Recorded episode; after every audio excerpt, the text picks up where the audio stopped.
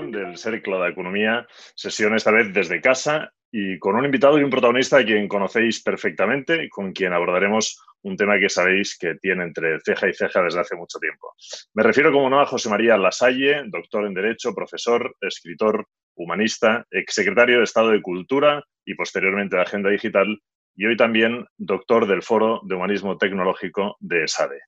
Y eso de hablar de humanismo tecnológico es algo que otros tantos se tratan de apropiar, pero que difícilmente pueden aprender con H, sin contar con la capacidad que le confiere José María el hecho de haber estado entre dos mundos, Conste que no hablo del cielo y de la tierra, aunque la política pueda encajar en alguno de ellos. Eh, me refería a dos mundos un poco más terrenales y que en estos casos son algo distintos. Concretamente, se necesitan para, para abordar los temas que él aborda, serían el de los pensadores del ayer y el de los del mañana. De un tiempo a esta parte, él nos alerta de la posible llegada de un ciberleviatán, y si no ponemos remedio, parece que eso podría llegar o estaría ya llegando. Hoy nos lo contará. Desde entonces, y algo más allá, cuando nos encontramos, eh, buscamos huecos para, hablar de estas y de otras locuras y pasiones eh, compartidas. Lo que me gusta o lo que me resulta más interesante es el planteamiento que José María hace. Eh, hoy más que nunca vislumbrado algunos de los cambios que nos tiene preparado ese enemigo invisible. Él lo ha planteado como humanismo tecnológico o deshumanización de lo digital. Sin más, me gustaría ceder la palabra a José María para pues, las preguntas que nos vayáis formulando a través del chat habilitado. José María, buenas tardes y cuando quieras. Hola, buenas tardes y muchísimas gracias. Eh, voy a hacer mm, una lectura de, un texto eh, siguiendo los patrones de los otros ponentes e intervinientes que me precedieron dentro del ciclo sobre humanismo tecnológico. Eh, así que Quiero lo primero, pues dar las gracias a Pipo por su amable presentación y por compartir esta conferencia online que tenemos por delante. Es un lujo su compañía, no solo porque a mis ojos y creo que a los de muchos es uno de los mejores comunicadores digitales de nuestro país, sino porque además es una de las personas más competentes en el conocimiento de los vectores de cambio que acompañan lo que, de lo que denominábamos hasta hace unas semanas la transición digital. Sé que ha sido un gran esfuerzo tenerte hoy aquí y por eso quiero muy especialmente, Pipo, agradecértelo. Bona tarda a tothom i moltes gràcies per la vostra presència avui a l'altre costat de la pantalla. Gracias también al Cercle de Economía por su amable invitación y por mantener activa su capacidad de análisis en un pulso constante con la realidad.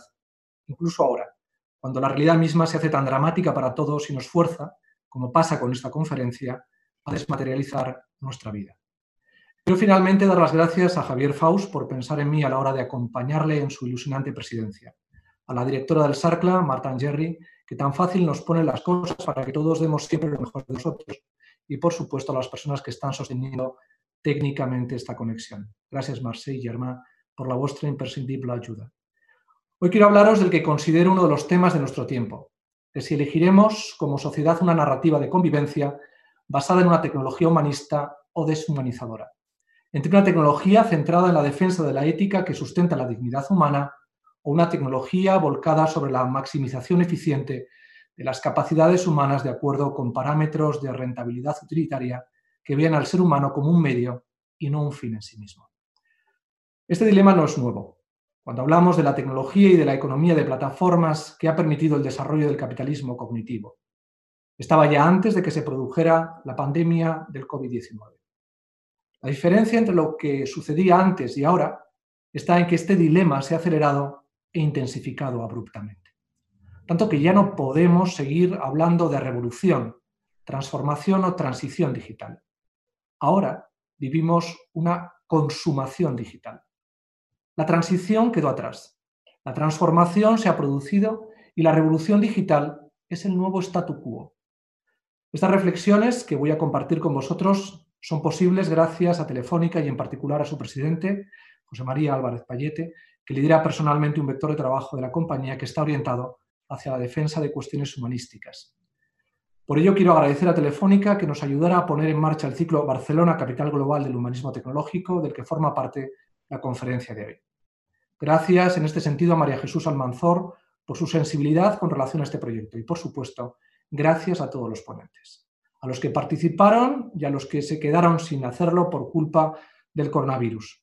Antoni Gutiérrez Rubí, Jordi Baqué, Natalia Olson Urtecho, Carlos Grau, Lorena Jaume Palasí, Laia Bonet. Gracias a todos y a todas por vuestro compromiso y vuestra colaboración. Mis reflexiones hoy tratarán de ofrecer una recapitulación y una continuación a las cosas que Antoni, Jordi y Natalia pudieron plantear, enlazando con lo que previsiblemente iban a contarnos los demás. Empiezo retomando el dilema que mencionaba hace un momento. La COVID-19 ha consumado la transición digital y ha convertido la tecnología en la estructura del nuevo statu quo bajo el que vivirá a partir de ahora la humanidad. El reto ahora es saber cómo gestionaremos este nuevo statu quo y conforme a qué narrativa. Nos enfrentamos, por tanto, a una realidad que ha puesto de manifiesto que la estructura del planeta y la globalización que lo modela se desarrolla a través de la tecnología. Como apuntaba hace un momento, la revolución digital ya es historia, lo mismo que la transición digital se ha producido y consumado la transformación digital desde el momento en que las libertades analógicas, por ejemplo, se han convertido estos días, con la generalización de los estados de alarma y los confinamientos, en experiencias básicamente digitales. Es más, una parte sustancial de nuestra identidad es también digital. Trabajamos, nos entretenemos y nos comunicamos online. Generamos una huella digital sobre nosotros que engrosamos a diario es tan intensa y tan precisa que casi replica a la perfección quiénes somos. De hecho, casi sabe lo que pensamos, lo que sentimos o lo que necesitamos cuando vivimos atrapados bajo la atmósfera de ansiedad y urgencia que nos acompaña excepcionalmente desde hace 53 días. El flujo exorbitante de datos que está desatando la pandemia nos conduce hacia una especie de biggest data. Primero, porque estamos agitando las aguas del tráfico de las redes con un mega tsunami de datos sobre nosotros, que a partir de las interacciones digitales que protagonizamos, provoca un valor de agregación incalculable por la cantidad y la calidad de los mismos. Pasar tantas horas trabajando online o viéndonos las caras y hablándonos a través de pantallas en toda clase de contextos, supone un registro extraordinario de matices de sensibilidad que acelerarán el machine learning y nos aproximarán a avances de la inteligencia artificial que harán cercana a la famosa inteligencia general. Nunca, como hasta ahora, habíamos ayudado a las máquinas a conocernos tanto y a aprender más de nosotros. Y segundo, porque estamos atribuyendo nuestras capacidades de vigilancia y seguimiento de nuestra identidad en un contexto de necesidad en el que además desnudamos y desguarnecemos nuestra privacidad sin tapujos ni recelos. Con la excusa de la primacía justificada de la salud sobre la privacidad que incorporan nuestros estados de alarma y que no se discute, estamos contribuyendo a producir un extraordinario poder a quienes registran y gestionan nuestros datos. Hoy el panóptico es más real que nunca. No el sistema carcelario que ideó Benham y que Foucault reinterpretó para explicar el modelo de normalización capitalista en su famoso ensayo Vigilar y Castigar. No, me refiero a algo más mítico y simbólico, algo que opera por debajo de la normatividad para entrar en el inconsciente. En realidad estamos modelando un dios tecnológico que nos recuerda a aquel otro que los griegos llamaron Argos Panoptes, el dios de la vigilancia, que representaban como un gigante al que le supuraban los ojos en todo el cuerpo. Tenía mil ojos, la mitad de frente y la mitad detrás. Y cuando dormía, lo hacía con un solo párpado cerrado, mientras los demás seguían abiertos.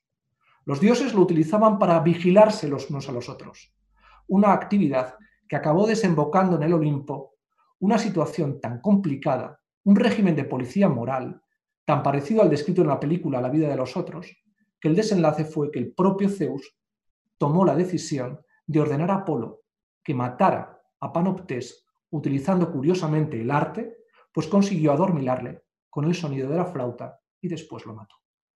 Enfilamos, por tanto, la consumación de una era tecnológica, un tiempo nuevo que resetea el anterior. Lo hace gobernando mediante algoritmos que controlan, los que controlan las grandes corporaciones tecnológicas mientras su cuenta de resultados crece hasta alcanzar cifras astronómicas.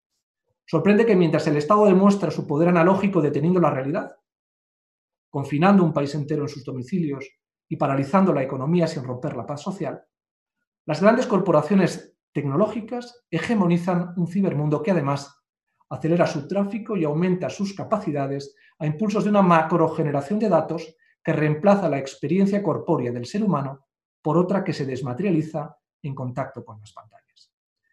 Bajo la excepcionalidad de la COVID-19 se ha impuesto erga omnes y sin oposición una gobernanza algorítmica que ha sustituido nuestra identidad física por otra digital, que además se vive como una experiencia sin ciudadanía ni derechos online que la protejan. Hablamos de una identidad que nos diluye como personas, opera sobre lo que éramos y crea las condiciones para definirnos como trabajadores online, consumidores digitales de contenidos y usuarios de aplicaciones. Algunas de ellas de rastreo de infectados y que, como sucede con las que impulsa el consorcio europeo PET-PT, son dirigidas a neutralizar la propagación del coronavirus o su rebrote. Desarrollan para ello capacidades que agrupan nuestras interacciones de afinidad social, cuyo almacenamiento y centralización ofrecen capacidad de monitorización que puede trascender la funcionalidad epidemiológica primaria. De hecho, podrán controlar nuestros movimientos 24 horas al día, los 365 días del año, y de paso, identificar quiénes nos acompañaban y qué vínculos existían entre nosotros, algo que asociado a la variable del GPS podría implicar una arquitectura susceptible de hacer el match imperfecto que conectara nuestros datos anonimizados y poner a nuestra huella digital nombres y apellidos. Las consecuencias de promover, bajo este contexto de excepcionalidad, un biggest data son inquietantes. La primera es que sin control democrático de este proceso de empoderamiento tecnológico corremos el riesgo de que nuestra democracia liberal mute hacia una dictadura tecnológica. De basarnos en una libertad cooperativa, podríamos ver cómo se instaura un orden tecnológico de vigilancia y control que monitorice nuestra movilidad y nuestra salud al servicio de un ciberleviatán privatizado. Un escenario distópico que solo podremos impedir con derechos y garantías digitales que nos protejan en nuestra privacidad. Una reflexión que forma parte del humanismo tecnológico y que ha de traducirse en el esfuerzo de imaginar todo un catálogo de nuevos derechos y garantías que den forma y establezcan una ciudadanía digital sobre la que fundar una ciberdemocracia que concilie la tecnología con la libertad. Relacionada con ello es la segunda consecuencia de la que hablaba hace un momento, ya que tiene que ver con el crecimiento de la desigualdad que promueve la consumación digital del mundo que vivimos no solo a raíz del empobrecimiento generalizado que provocará la recesión económica, sino es mutualizada entre todos y reconducida mediante políticas públicas e intervenciones que mitiguen sus efectos más dañinos socialmente, sino porque puede verse multiplicada con los efectos agregados que producirán nuestros datos y que monopolizan plataformas que monetizan sin contrapartidas solidarias. Para evitar esta desigualdad hay que abordar una regulación sobre algoritmos e inteligencia artificial que ponga estas herramientas al servicio de los seres humanos al fijar directrices éticas fiables. Para conseguirlo, hay que reivindicar valores humanísticos, así como políticas públicas centradas en lo humano. La pandemia de la COVID-19 no puede empobrecer a muchos ni propiciar a lomos de sus necesidades actuales el beneficio desmesurado de unos pocos no es admisible éticamente, porque nace de una hiperactividad digital que generamos como consecuencia del dolor que provoca el coronavirus y la ansiedad que fomenta nuestro confinamiento. Finalmente, es imprescindible concienciarnos de que se ha activado un virus neoreaccionario que circula por las redes y que mina la confianza en los gobiernos democráticos. Hablamos de un vector autoritario que trolea una dinámica de desinformación que debilita aún más nuestra libertad. La incapacidad de tantos por discernir la verosimilitud de las fake news nos sitúa ante la propagación de un hombre masa digital, que es el sujeto ideal, como advertía Hannah Arendt, de un totalitarismo tecnológico. Pues ese sujeto no era en la Alemania de Hitler o en la Rusia de Stalin un nazi o un comunista convencidos, sino un individuo para quien la distinción entre los hechos y la ficción, entre lo verdadero y lo falso, había dejado de existir. No me cabe la menor duda de que la democracia liberal vencerá la pandemia del coronavirus COVID-19, pero tendrá que convencer que lo hizo lo mejor que pudo y por el bien de todos. En esta batalla incruenta en torno a la comunicación nos jugamos mucho, ya que el cibermundo no puede alojar la mentira como estructura de propaganda cotidiana. Lo explica muy bien mi chico Kakutami en La muerte de la verdad. donde el virus neoreaccionario al que me refería antes está logrando la propagación, dice, de una deshumanización nihilista apoyada sobre la tecnología y el consumo de la comunicación digital. Un nihilismo que relativiza la verdad, condena la empatía, desprecia la tolerancia, huye de la libertad responsable y cuestiona los derechos de quienes no piensan como ellos. Si no podemos distinguir entre la mentira y la verdad, se desmorona el fundamento epistemológico y moral que está detrás de la democracia, pues, como explicaba Jefferson, esta, esta solo puede basarse en el supuesto de que un ser humano puede ser gobernado por la razón y la verdad. Algo que requiere, decía, que los gobiernos garanticen que las puertas queden abiertas siempre a ellas, pues abrir las puertas a la verdad y fortalecer el hábito de someterlo todo a la prueba de la razón son las mejores esposas que podemos colocar en las manos de nuestros sucesores para evitar que ellos esposen a la gente con su propio consentimiento. De lo contrario, el miedo y la ira sumarán esfuerzos y se organizarán para hacernos pagar como sociedad la propagación de un autoritarismo político que buscará culpables a partir de la mentira. Una posibilidad que está ahí, acumulando negatividad y rencor todos los días a través de las redes sociales y de un ciberpopulismo que expande su toxicidad conspirativa. El balance que el siglo XXI nos ofrece hasta el momento es el de un siglo profundamente antiliberal.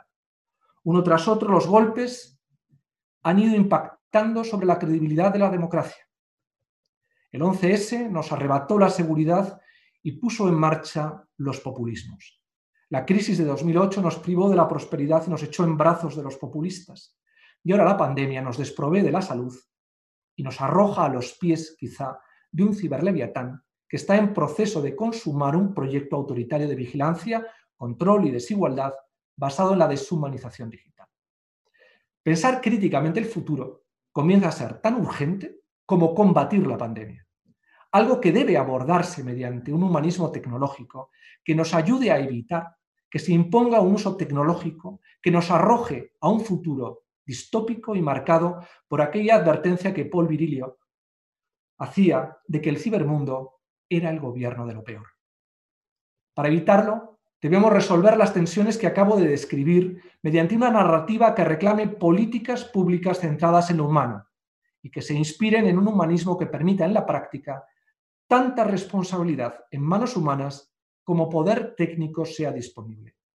Hablamos, por tanto, de un relato de justicia, un relato que dé coherencia, que integre la relación entre el ser humano y la técnica, estableciendo para ello una alianza estratégica entre la dignidad humana y la tecnología, que enfoque la consumación digital en la que vivimos dentro de un diseño centrado en una ética pensada desde la humanidad y para la humanidad cuando utiliza la tecnología.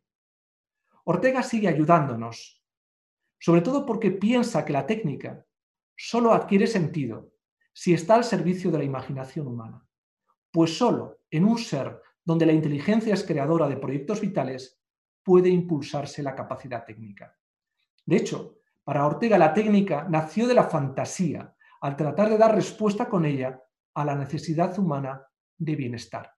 De ahí la insistencia orteguiana de que concurriese en el ser humano una inteligencia técnica que hacía que se viviera a sí misma como la técnica, perdón, que concurriese en el ser humano una inteligencia técnica que hiciese que se viviera a sí misma, pero no desde la técnica, sino con la técnica. Esta instrumentalidad de la tecnología es fundamental para un planteamiento humanístico en un horizonte de posibilidad para que el ser humano dé lo mejor de sí mismo. Entre otras cosas, porque le confiere una sobrenaturaleza de bienestar que le ayuda a determinar el contenido de la vida al ofrecerle una significación y un sentido. Por eso el punto de partida a la hora de definir el humanismo tecnológico es la defensa, tanto para el diseño como para la praxis tecnológica, de un horizonte ético fundado en la dignidad humana en su centralidad axiológica y en la posesión de unos derechos fundamentales que preserven aquella. El Grupo Independiente de Expertos de Alto Nivel sobre Inteligencia Artificial de la Unión Europea señaló en sus directrices éticas para una inteligencia artificial fiable lo siguiente.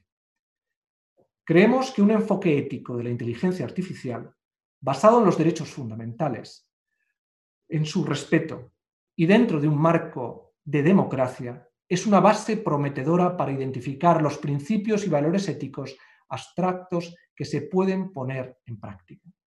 Es a partir de ese marco prometedor donde el humanismo tecnológico debe desarrollar su labor alrededor de una tríada de acciones que permitan impulsar un relato colectivo que suponga derechos digitales y un uso ético de los datos y los algoritmos, así como el establecimiento de una arquitectura de innovación digital que, de acuerdo con el Viena Manifiesto on Digital Humanism, garantice una coevolución de la tecnología y la humanidad a partir de parámetros morales que eviten el automatismo de la evolución y la elección técnicas. Garantizar legal y políticamente el control humano de esa evolución y elección y subordinarlo a principios éticos que hagan reconocible la dignidad de la persona como centro de su diseño es el propósito que anima al humanismo tecnológico a la hora de contribuir a la narrativa que define el cibermundo, parafraseando a Virilo, como el gobierno de lo mejor para el ser humano. El humanismo tecnológico debe dar, por tanto, una respuesta a la pregunta por la técnica que planteaba Heidegger cuando decía que la técnica es el modo y la manera en que la figura de digitalis moviliza y transforma el mundo. Un dominio planetario este que no puede basarse en una voluntad de poder, sino en una nueva metafísica que dé sentido a esa voluntad que es inevitable. Pues como estamos viendo en contacto con la experiencia digital de la pandemia, nuestro estar en el mundo desde la técnica provoca una revolución ontológica cotidiana de nuestra identidad que debemos gobernar desde el humanismo. Un humanismo que nos haga olvidar nuestra necesidad de cuidados, de empatía, de generosidad, y de solidaridad hacia los otros, que siga reclamando nuestra privacidad y la libertad para elegir acerca de los avances tecnológicos, buscando el respeto de nuestro bienestar y de nuestra autonomía moral. Un humanismo que responda a la urgencia de pensar el mundo que estamos enfilando desde la consumación digital, pues si no tenemos capacidad para pensarlo, la técnica nos pesará a nosotros, no siendo nosotros quienes le demos sentido al ser víctimas de su voluntad de poder. Reivindicamos, por tanto, con el humanismo tecnológico un humanismo de la serenidad con respecto a la tecnología, que cultive la paciencia y la espera, fijando límites a una técnica que ha de ser humana para que no sea inhumana. Termino citando nuevamente a Heidegger cuando recupera gracias a Aristóteles una anécdota sobre Heráclito. Se cuenta un dicho que supuestamente le dijo Heráclito a unos forasteros que querían ir a verlo. Cuando ya estaban llegando a su casa, lo encontraron calentándose junto a un horno. Se detuvieron sorprendidos, sobre todo porque él, al verles dudar, les animó a entrar invitándoles con las siguientes palabras.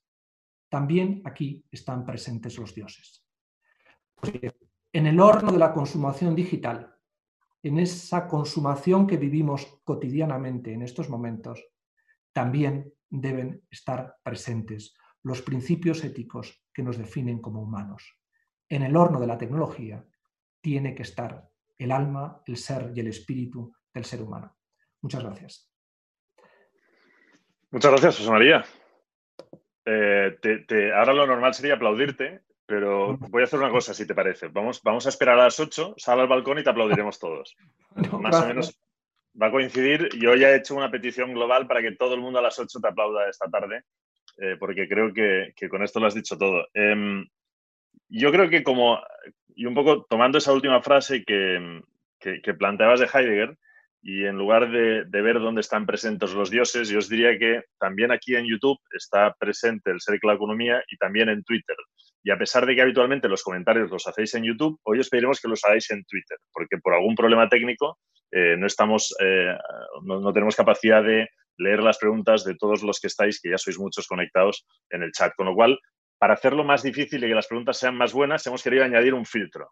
Entonces, como todo el mundo está ultra conectado, como tú dices, Twitter es una buena herramienta eh, a través del perfil del CERCLA, que es CD, CERCLA de Economía, CD Economía, CD Economía, arroba CD Economía en Twitter. Podéis lanzar cualquier pregunta, podéis poner hashtags graciosos, eh, pregunta a la Salle, responde la Salle, todo, todo vale, eh, pero te, te, trasladarán preguntas y así a mí me aligeran un poco del trabajo, porque después de una charla como la que, como la que tendremos y sobre todo después de una explicación como la que nos has dado, yo creo que harían falta un par de días de maduración y, entonces volver a ti con algunas preguntas. Yo he tomado muchas notas de lo que ibas diciendo y la primera que me, que me venía a la cabeza era, decías que la democracia liberal vencerá a esta pandemia y vencerá al COVID. Eh, lo que me pregunto es si la democracia liberal vencerá a, ese ciberleviatán y a ese otro virus que apuntas desde hace bastante tiempo.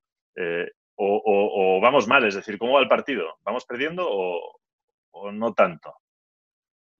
Bueno, vamos eh, perdiendo en la medida en que este debate no logra tener una profundidad de calado en el seno de la sociedad lo suficientemente importante como para motivar a la política para que le preste atención.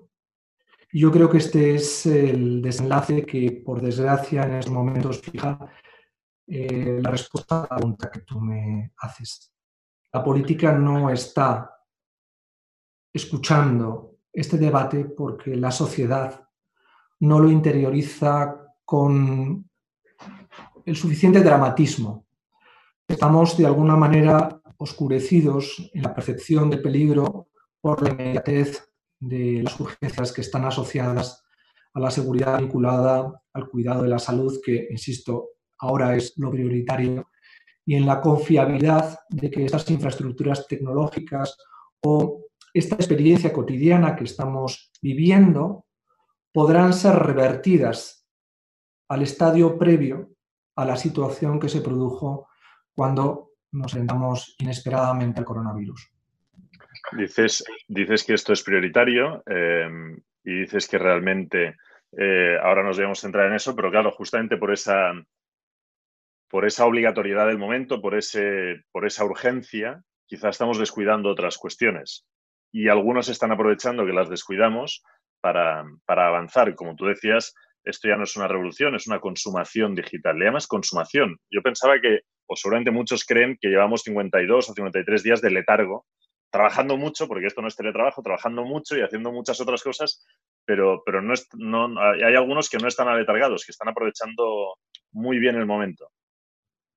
Totalmente. O sea, mm, por, eh, por mencionar a Helderlin, ya que he citado a Heidegger y, he hecho esta reflexión humanística que tiene en parte eh, su reflexión detrás, eh, los dioses están en la fragua del mundo, que están a punto de colocarnos delante de nuestros ojos y del que vamos a formar parte. Y esos dioses, que son auténticos titanes, por utilizar la reflexión de Síodo, eh, ya que hemos mencionado también a los dioses griegos, mm, están generando como corporaciones tecnológicas un poder ya no solamente tan grande como el que tenían, sino un poder ya irresistible. Su cuenta de resultados ahora es extraordinaria, pero la información que están captando de nosotros, de nuestros datos, es también extraordinaria. Es decir, ahora mismo prácticamente están diagnosticando las profundidades inconscientes del ser humano atrapado por el miedo y por la inquietud, por incertidumbre cotidiana. Y eso, asociado, por ejemplo, a esta constante proyección de nuestro reconocimiento facial a través de las pantallas está evidentemente excitando los algoritmos y desatándolos a la hora de gestionar, pues en el Machine Learning, la capacidad para ir interpretando y generando los algoritmos biométricos que harán posible con más facilidad llegar a nosotros y decirnos, sé quién eres cuando estás sometido a la ansiedad, a la preocupación, al miedo, a la incertidumbre, confía en mí porque yo puedo hacerte más eficientemente mejor. Y ese es el diseño de prescriptibilidad al que nos enfrentamos en estos momentos de una manera inconsciente. Y ese es el riesgo que está eh, oculto detrás del surfeo de la ola a la que nos enfrentamos. Hablaremos de, esa prescriptibilidad de los algoritmos, ya no tanto predecibilidad, porque, porque cada vez pueden ser más prescriptivos, no predecibles, em, pero, pero un poco al hilo de lo que comentabas, y, tú has hablado muchas veces de cómo ese escenario puede cambiar eh, en lo que se refiere a las libertades, a los derechos, a las relaciones, a esas vigilancias digitales. Eh, Marcé Franquesa nos, nos, lanza una primera pregunta e invitamos a los demás a que lo hagáis eh, y que nos pide que amplíes de alguna manera esa diferencia que, que ya planteabas entre lo que es vigilar y castigar. Bueno, esa es la reflexión que planteaba Foucault en su ensayo alrededor de la idea del panóptico que Benham había ah, diseñado en los años 30 del siglo XIX y que prácticamente lo que venía a señalar es que los modelos de construcción, decía Foucault, del capitalismo avanzado, del capitalismo industrial, giraban alrededor de una normalización de nuestra conducta que implicaba escenarios pseudocarcelarios, como eran la familia, eh, la fábrica, la educación en la escuela, donde estábamos siendo monitorizados, vigilados, controlados al inculcarnos una normalización cotidiana, que inyectaba, por así decirlo, en nuestro inconsciente los mecanismos de represión que junto a la vigilancia se traducían en el castigo porque nos normalizábamos conscientemente.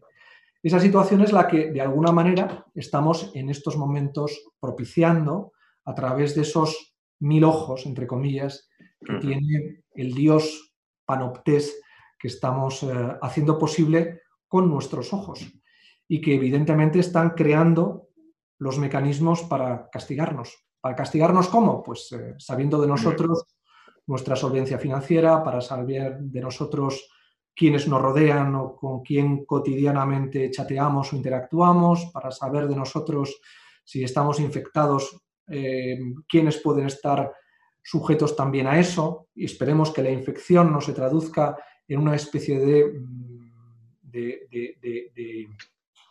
de peste que mm, implique mecanismos de represión conductual como los que se han vivido o sobre los que nos describe mm, Albert Camus en La peste, ¿no? en un determinado momento y que tiene, acaban teniendo un reflejo cultural. En fin, eso es a lo que me refiero, que estamos generando una cultura de aproximación a la tecnología en la que desnudamos nuestra personalidad sin comprender que al otro lado hay alguien que está aprendiendo con ello y que se beneficia porque su aprendizaje es gratuito y además le ayuda a poder llegar mucho mejor a nosotros a través de los sentimientos que inconscientemente están grabados en el diseño de la pantalla que nos disolvemos.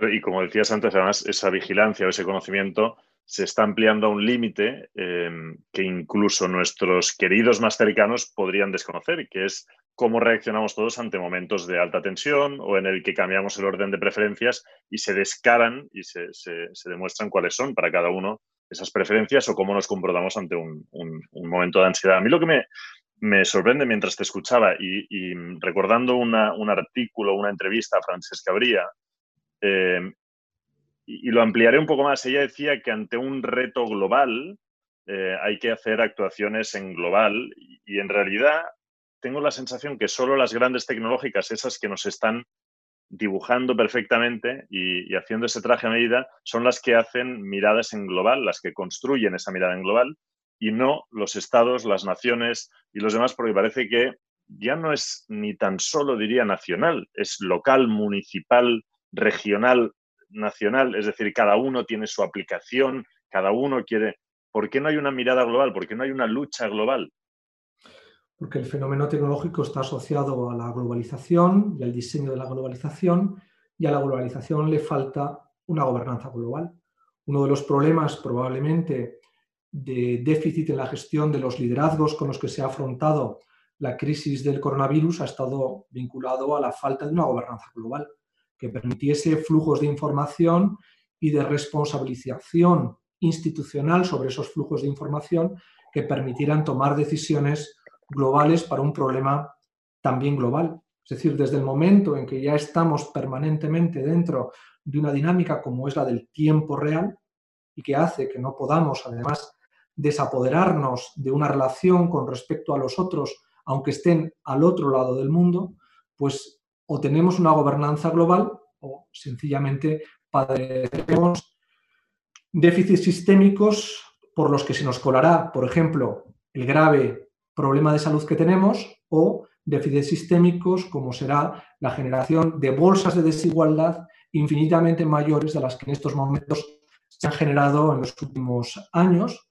y que están muy asociadas a quién se beneficia con la economía de plataformas y con la gestión de los datos. Sí, a mí me gustaría luego hablar, eh, creo que hay dos temas importantes que tenemos que abordar. Uno es, eh, y más estando en el cerco de la economía, cómo afectar esto a nivel económico, eh, en, distintas, desde distintas esferas y ángulos, y, también a nivel público. Y, en ese sentido, cuando te preguntaba si ante un reto global no deberíamos tener una respuesta global, me pregunto si Europa está a la altura, si, si se está jugando una de sus últimas bazas para demostrarle al mundo o a los suyos, como mínimo a los europeos, Em, que es útil y que es necesaria esa estructura compartida con una respuesta compartida. Y luego te haré una pregunta también que nos llega de Martin Jerry, eh, un poco ligada a las políticas públicas. Pero, pero miremos primero el tema de Europa. ¿Cómo lo ves? Bueno, eh, precisamente yo creo que Europa eh, sigue siendo el único espacio en el que se están planteando estos debates. Por ejemplo, el debate asociado a la introducción de aplicaciones que van a permitir rastreos de infectados. Es decir, en ninguna otra sociedad, ni en Singapur, ni en Taiwán, ni en Corea del Sur, eh, ni en Estados Unidos por el momento se han planteado estos debates, pero el Parlamento Europeo se ha hecho eco de ellos, o la Comisión, en boca del de, eh, comisario de Mercado Interior, que ha insistido en que estas aplicaciones tienen que asociarse a mm, arquitecturas eh, que fijen capas descentralizadas, que establezcan mecanismos de privacidad, de anonimización, de voluntariedad, de temporalidad, es decir, no pueden convertirse en infraestructuras permanentes, etc. Es decir, Europa, a pesar de que está fracasando, entre comillas, en la gestión de esta pandemia, sigue siendo el espacio que cree que es posible una gobernanza global dentro del espacio que abarcan los 27 estados europeos, pero que además no oculta que esa gobernanza aspira a proyectar sobre el resto del mundo responsabilidad en la gestión de los problemas asociados a la globalización. Se ha visto con el cambio climático, pero se podrá ver probablemente con el tema de la tecnología. Con quien no vamos a contar, evidentemente, es con China y, desgraciadamente, Estados Unidos, en la medida en que siga fiel a esta especie de darwinismo neoliberal en el que está instalado y además recubierto por un autoritarismo que convierta al presidente de los Estados Unidos en el commander in chief, pues evidentemente tampoco podremos tener demasiada ayuda, salvo que las dos costas se organicen. California nos dio una alegría y la costa este también, pero en fin, esto son utopías que quedan pendientes del próximo mes de noviembre.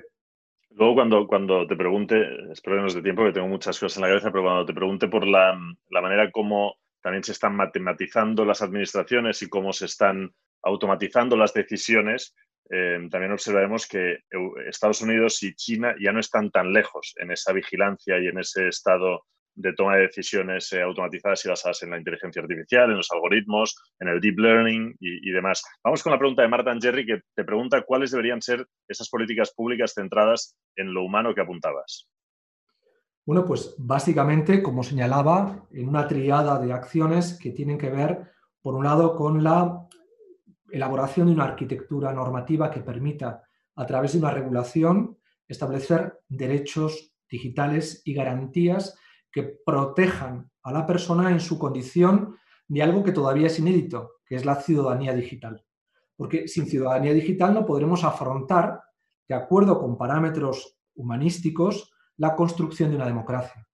¿Por qué se construye la democracia en Grecia? Porque en un determinado momento la cultura que desarrolló todo el modelo de lo que fue la paideia griega se transformó políticamente en un momento muy específico de la historia de Grecia y de Atenas en la creación de una democracia que entendió que el hombre era la medida de todas las cosas y que esa medida de todas las cosas podía y necesitaba ser también política y convertir al hombre en ciudadano, con todos los matices que conocemos que calculamos y que sabemos que se daban en la democracia ateniense. Pero esa realidad quedó ahí. Por tanto, sin derechos no hay ciudadanía, como luego la modernidad se encargó de poner de manifiesto a través de la ilustración política. Y sin ciudadanía no hay democracia. Por tanto, una primera línea de trabajo y de acción que interioriza el humanismo tecnológico es claramente la defensa de derechos digitales. Pero no se trata de trasladar el modelo de los derechos digitales del ámbito analógico al ámbito digital.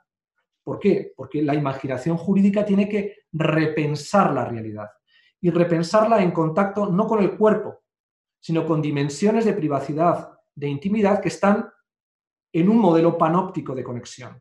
Por tanto, esos derechos tienen que entrar también en una estructura cooperativa, casi holística, que la estructura de los derechos individuales de una democracia analógica como la nuestra se plantean desde la individualidad. Aquí la cooperación tendrá que también tener un elemento de participación en la construcción de un discurso de los derechos. Por tanto, primera línea de trabajo, que todavía es inédita, los derechos digitales. Segunda línea, el uso, el uso que hacemos de los algoritmos y los datos, es decir, un uso que debe ser basado en patrones éticos, que se inspiren en la idea que antes planteábamos también de que el hombre ha de ser la medida de todas las cosas. No podemos ver cómo se disuelve la condición humana en contacto con los datos. Los datos tienen detrás al ser humano, tienen detrás a una persona. Y es necesario, por tanto, empoderar, no sé en qué medida, eso forma parte también de la reflexión que colectivamente debemos asumir y de las políticas públicas que hay que contribuir a desarrollar. Los datos deben ser objeto, en alguna medida, de un empoderamiento que el generador de los mismos tenga sobre ellos.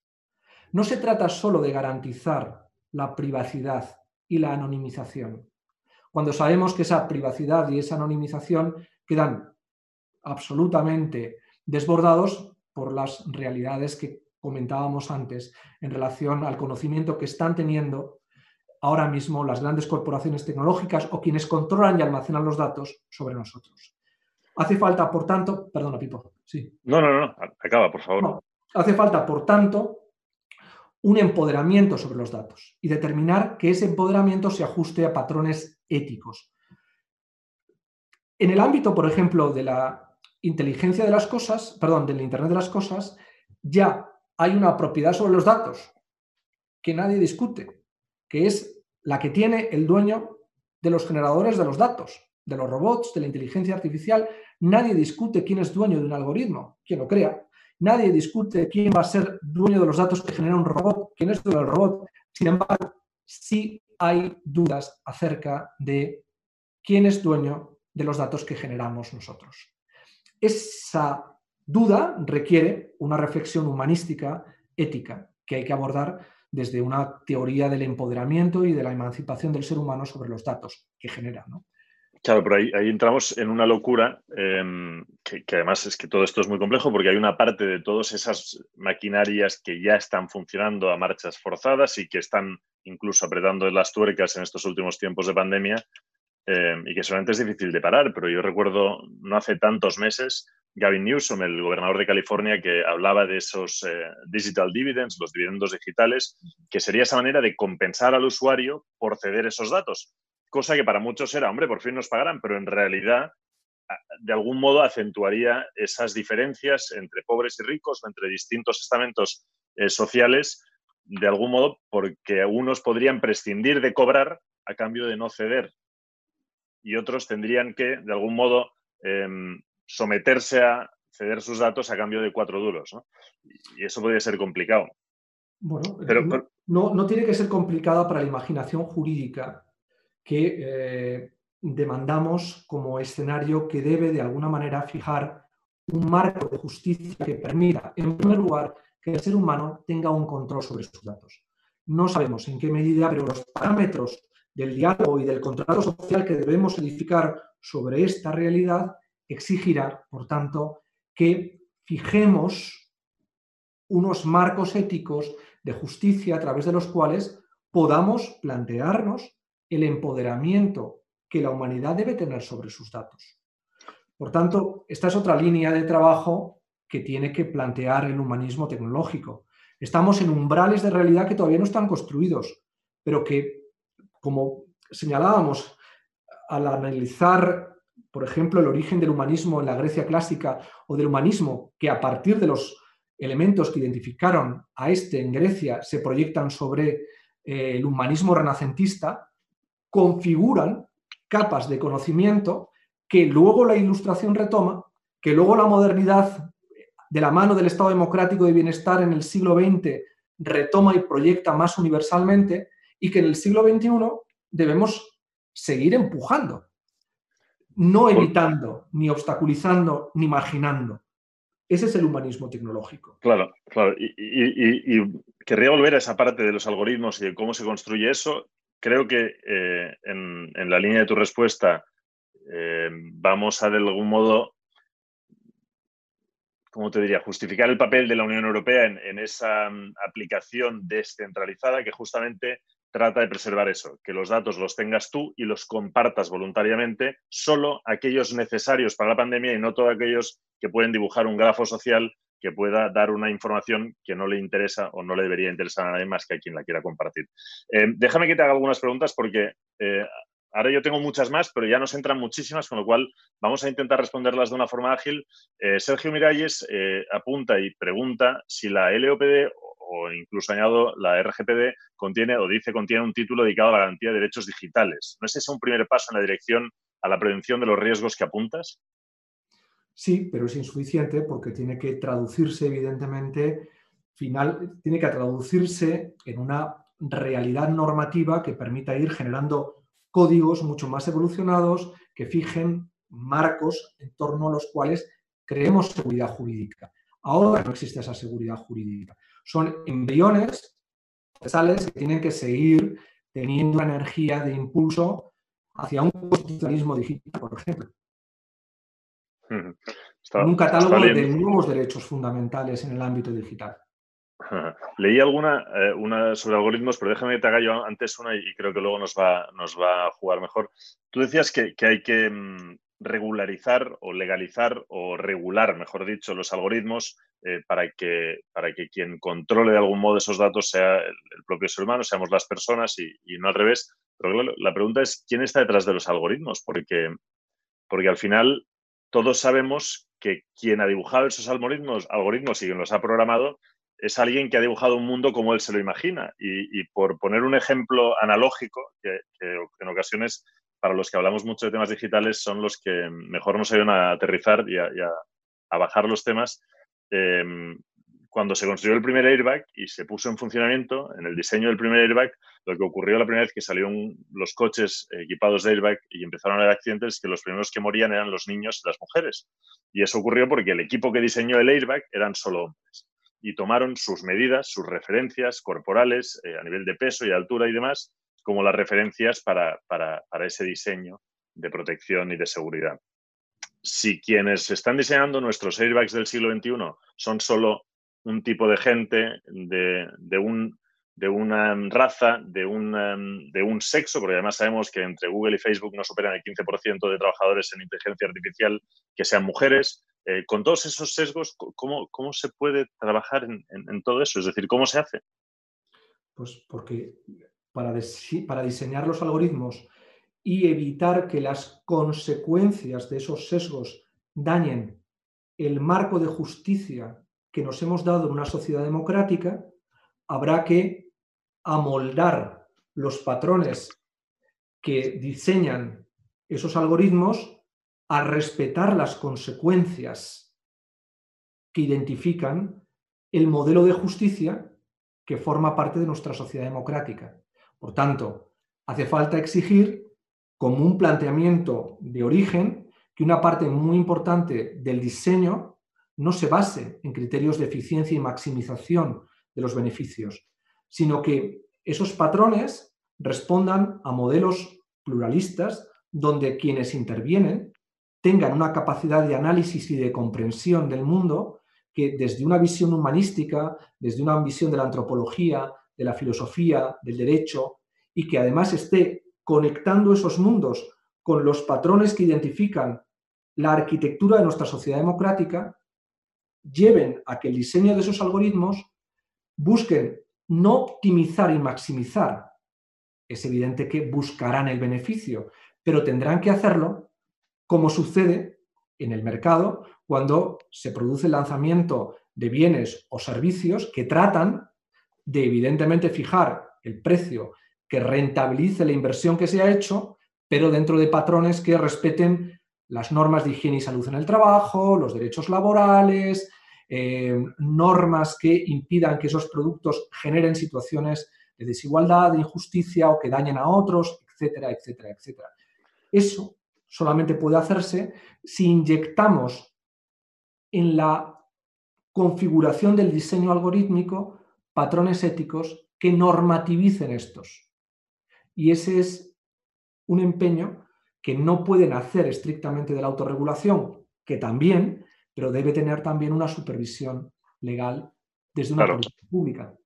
Claro, lo que pasa es que, como tú sabes, los derechos adquiridos a veces son difíciles de, romper, pero bueno, ese sería otro tema. Déjame que avance justamente en eso que dices, en la regulación pública, eh, y hablemos de políticas, porque antes decías que los políticos no están escuchando esa necesidad y que cuesta que, desde la administración se trabaje. Entiendo que, y, ahí querría atacar dos frentes, eh, no lo deberían hacer solos. Entiendo que esta, sobre todo si pensamos en la gobernanza del siglo XXI, es una gobernanza de la cual también deberían participar empresa privada, administración pública, eh, los académicos sin duda y la sociedad civil, los, mal llamados activistas o los llamados activistas. pero, por ejemplo, yo quería preguntarte por Barcelona. Barcelona ha dado em, o ha demostrado tener una cierta sensibilidad en estos temas. Antes citaba a Francesca Bría, pero hemos visto ya eh, cómo Barcelona trata y, tú has estado eh, implicado en ello también, pero, pero trata de, situarse como la central y como la capital del humanismo tecnológico.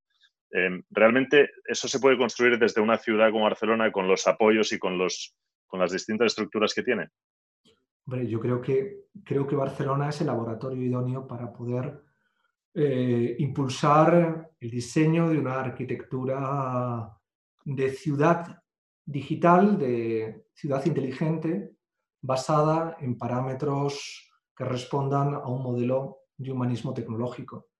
Eh, creo que además el gobierno español, de la de la Secretaría de Estado de Inteligencia Artificial, está apuntando hacia una reflexión que profundizan estos aspectos de introducir la ética en los algoritmos, en la inteligencia artificial, en el diseño eh, humanístico de la aproximación a la tecnología que desde el poder se puede hacer, está en conexión con, con, impulsos que se dan en Francia, que se están dando en Italia, que se están dando en el conjunto de Europa. Ahí está la comisión impulsando los trabajos de las comisiones de expertos que están asesorando eh, en el diseño de los planteamientos éticos que deben definir la política europea común en materia de inteligencia artificial y creo que Barcelona, por la, mm, por la tradición humanística que tiene en distintas capas, como decía, ¿no? ha sido una ciudad griega, fenicia, griega, mediterránea, con todo lo que eso representa, ¿no?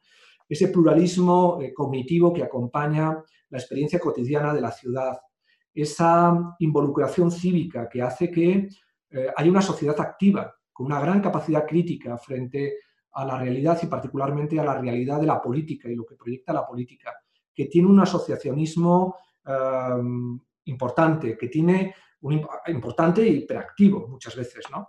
que tiene además un ecosistema digital que desde la innovación, eh, con centros especializados, hasta la universidad con su difusión pública o con iniciativas que sindicatos como comisiones obreras u otras instituciones están planteando alrededor del mundo de la digitalización, o la Fundación Mobile World Congress y el empeño de convertir a través del Digital Forum Society un centro de reflexión, el DFS, un centro cotidiano de reflexión sobre estos temas, hacen que sea, en mi opinión, el laboratorio idóneo para poder liberar un proceso de reflexión profunda sobre este tema.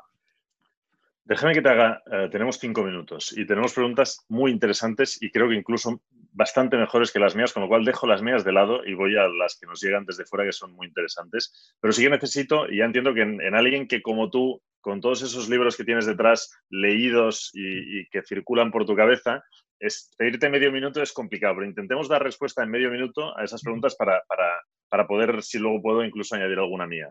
Eh, Ignasi Camí dice, eh, os, nos preocupa que más del 90% de los datos de los europeos residen y están gestionados por empresas de fuera de Europa. ¿Cómo se crea entonces la nueva gobernanza global? 30 pues segundos para una pregunta así es fácil. Difícilmente. Europa lo que tiene que hacer es concienciarse de que esos datos nacen de ella y por lo tanto debe plantear a los alojadores que están centralizando el control de esos datos que esa realidad tiene que cambiar. Algo parecido a lo que sucedió en el mundo de la descolonización con respecto a las antiguas potencias metropolitanas hay que llevar a cabo, casi me atrevería a decir, una operación como la que acabó con el canal de Suez en manos de británicos y de franceses.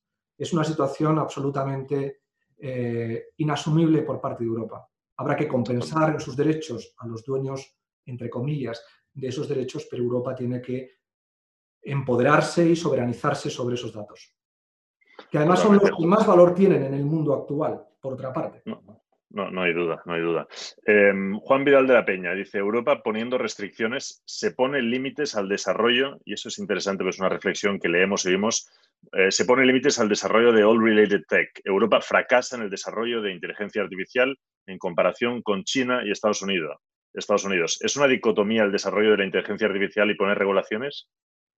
No, como no es, una, no es una dicotomía ni en el fondo es un fracaso, que Europa haya construido un modelo de bienestar que ha significado no construir un diseño neoliberal como el de Singapur o el de Taiwán o el de otras economías asiáticas o el de la propia China, eh, eh, porque hemos construido un modelo de vida que nos permite, como podríamos construir una inteligencia artificial, gestionar la información, los datos, los algoritmos dentro de parámetros éticos que nos den a nosotros opciones de vida éticas. O queremos eso, o queremos un modelo de eficiencia y maximización, maximización donde la inteligencia artificial, por ejemplo los chinos, está al servicio de la vigilancia y no de parámetros éticos. Pero, sí que queremos ser competentes y en un, foro de economía entiendo que, que, eso es importante. Y la pregunta es, eh, y esa es mía, pero ¿podemos ser competentes jugando contra rivales que no tienen reglas o que tienen unas reglas distintas? Europa tiene un marco de seguridad jurídica para muchos asfixiante y, sin embargo, es la segunda o la tercera economía del planeta. Y además con unos niveles y unos estados de bienestar que mm, no son contrarios a altos niveles de competencia de muchos sectores productivos y empresariales europeos en sectores, por ejemplo, como eh, la, pues, pues, eh, pues, la cultura, mm, la comunicación, eh, en fin. Nos quedan dos preguntas muy rápidas. Me obligas a hacer, eh, en fin. Sí, no, no, es que, es que si no nos da tiempo y, nos queda un minuto y me han pedido que sea estricto con los tiempos.